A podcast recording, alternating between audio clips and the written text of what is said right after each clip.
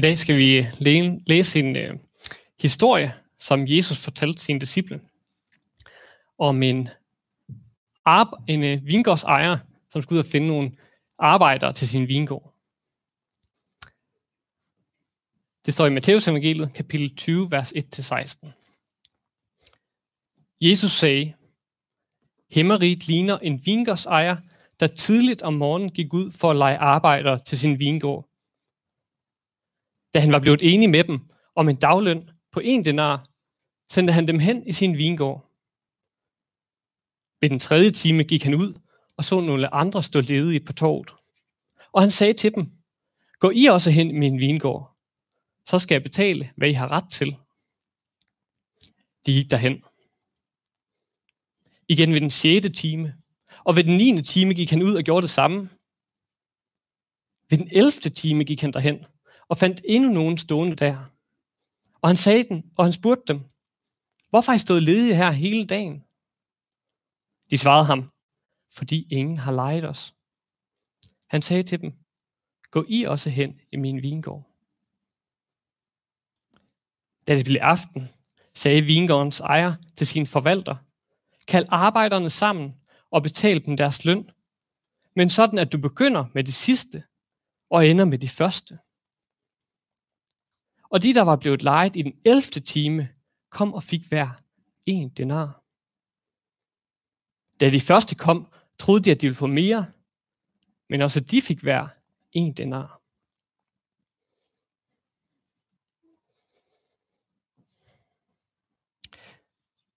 Da de fik den, gav de ondt af sig over for vingårdsejeren og sagde, de sidste der har kun arbejdet en time, og du har stillet dem lige med os, der har båret dagens byrde og hede. Men han sagde til en af dem, min ven, jeg gør dig ikke uret. Bliver du ikke enig med mig om en denar? Tag det der dit og gå. Jeg vil give den sidste her det samme som dig. Eller har jeg ikke lov at gøre, hvad jeg vil med det, der er mit? Eller er dit øje ondt, fordi jeg er god? Sådan skal de første blive det sidste, og de sidste de første.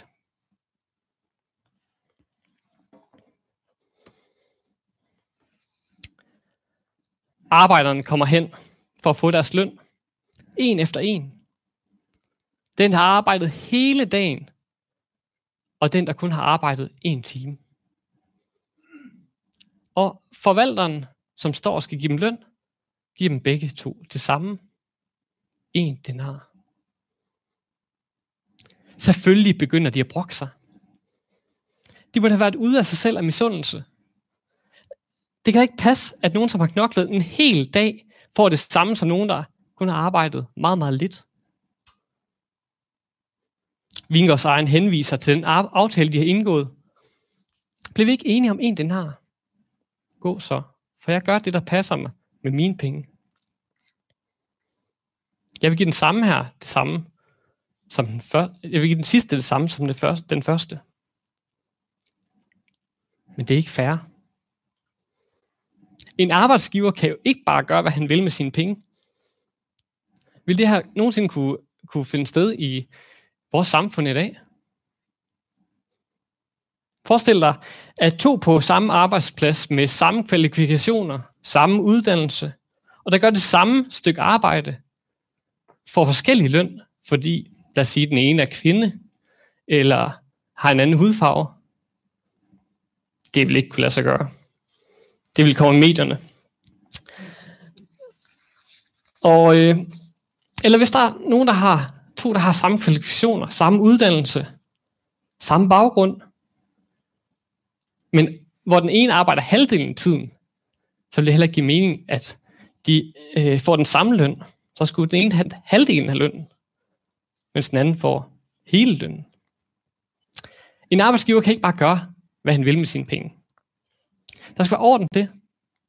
En arbejder er sin løn værd. Alt andet det er uretfærdigt. Og det er jo ikke fordi, Jesus lige, ligefrem prøver at gemme det uretfærdige i lignelsen væk her. Øh, Vingårdsejeren kalder alle daglejere sammen på én gang. Han kunne ved arbejdsdagens afslutning i stillhed bare gå hen til hver eneste. Den har arbejdet lidt tid, den har arbejdet lang tid. og sagt, her er en denar. Og den, der havde arbejdet lidt tid, kunne blive rigtig glad og taknemmelig, og den anden kunne bare blive tilfreds. De behøver ikke se, hvad hinanden får. Jesus vil forarve os. Han vil også til at holde med daglejerne og mærke, hvor uretfærdigt det her det er. Men hvorfor er det så uretfærdigt? Hvorfor er det, vi bliver forarvet? Jeg ved ikke med jer, men jeg har indbygget en retfærdighedsvægt. Den fungerer sådan, at hvis jeg ligger 10 timers arbejde på den ene øh, vægtskål, så skal der også ligge 10 timers løn på den anden. Og øh, hvis der sker en forbrydelse, så skal der også være en passende straf. Vægten skal være i ligevægt. Eller hvis der sker en ond handling, så er min umiddelbare reaktion, øh, at den handling også skal modsvares med en anden ond handling. Det kan jeg i hvert fald mærke i trafikken. Der har jeg svært ved ikke at, ikke at lige uh, blive rigtig frustreret på den, der gør et eller andet mod mig. Eller hvis jeg gør en tilsvarende god handling, så forventer jeg egentlig også, at der kommer noget godt ud af det. At jeg får noget godt igen. Der skal være harmoni, ligevægt. Og meget i verden hænger sådan sammen. Man giver noget, man får noget igen. Det er som en handel. Så når nogen øh, får en dagsløn her i Vingården, selvom de kun har arbejdet meget lidt, så er det unfair. De er ikke fortjent det. Den ene vægtskål svarer ikke til den anden. Men Jesus pointe det er, at hvis vi tænker sådan, så bliver vi bare rigtig skuffet.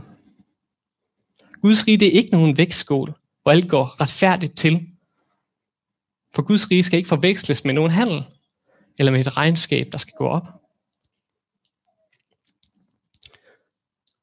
Vil du elske dit barn, fordi at det havde været til mere gavn for familien end dit ældste barn, øh, fordi det øh, havde været mere til gavn for familien end dit yngste barn?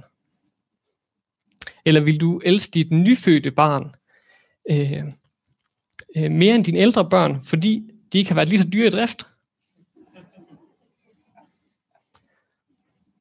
Du vil måske svare, nej, selvfølgelig ikke.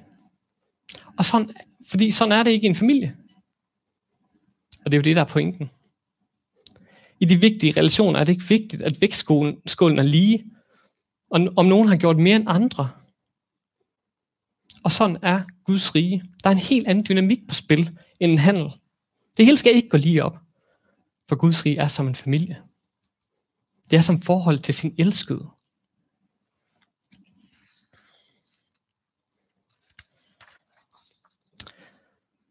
Vægtskålen har det med at komme stigende ind steder, hvor den ikke hører hjemme. Arvestridigheder kan skabe øh, en dyb afgrund i familien, fordi det bliver gjort op, hvem der får hvad. Og kærligheden begynder heller ikke lige frem at blomstre, når man begynder at regne på at holde regnskab med, hvem der har været uden med skraldespanden sidst. De nære relationer har ikke noget som helst at gøre med handel øh, og regnskab at gøre. Det bliver så skævt, når det sniger sig derind. I forhold mellem Gud far og Guds søn, så kunne det altså godt se ud som om, at Jesus virkelig gør det beskidte arbejde. Han bliver født i en stald, går rundt blandt irriterende og uforstående mennesker. Og øh, han lider og dør på et kors. Der er da noget af regnskab at gøre op der mellem Gud, Gud fader og Gud søn. Men Gud far og Guds søn, holder ikke regnskab. De er en kærlighedsrelation, tæt forbundet med hinanden. Så der holder man ikke regnskab. Og hvis vi ser på vores forhold til Gud, vi har fået livet. Jesus er død for, at vi kan være sammen med ham. Vi har fået helligånden givet, så vi kan være sammen med ham allerede nu. Der står vi i en gæld, som hvis vi holdt regnskab, ville vi aldrig kunne betale det tilbage.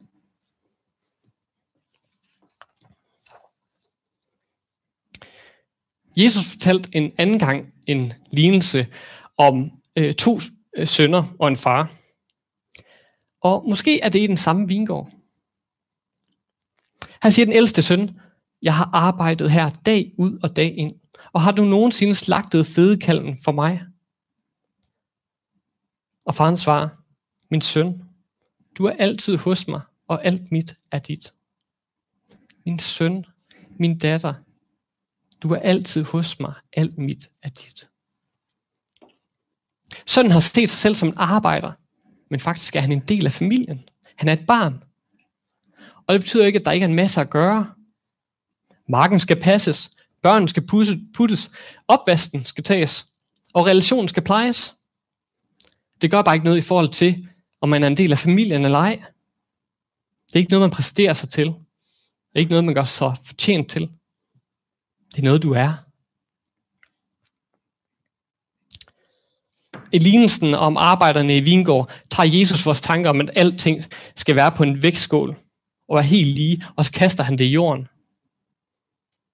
Vingårds, Vingårds ejeren giver ud af sin godhed. Og han giver til enhver, der vil være med i familien. Og lige nu står han på torvet og spejrer efter endnu flere, han kan invitere ind i sin vingård. I dag inviteres du ind i familien. Du inviteres hjem. Hvad mere kunne man nogensinde ønske sig?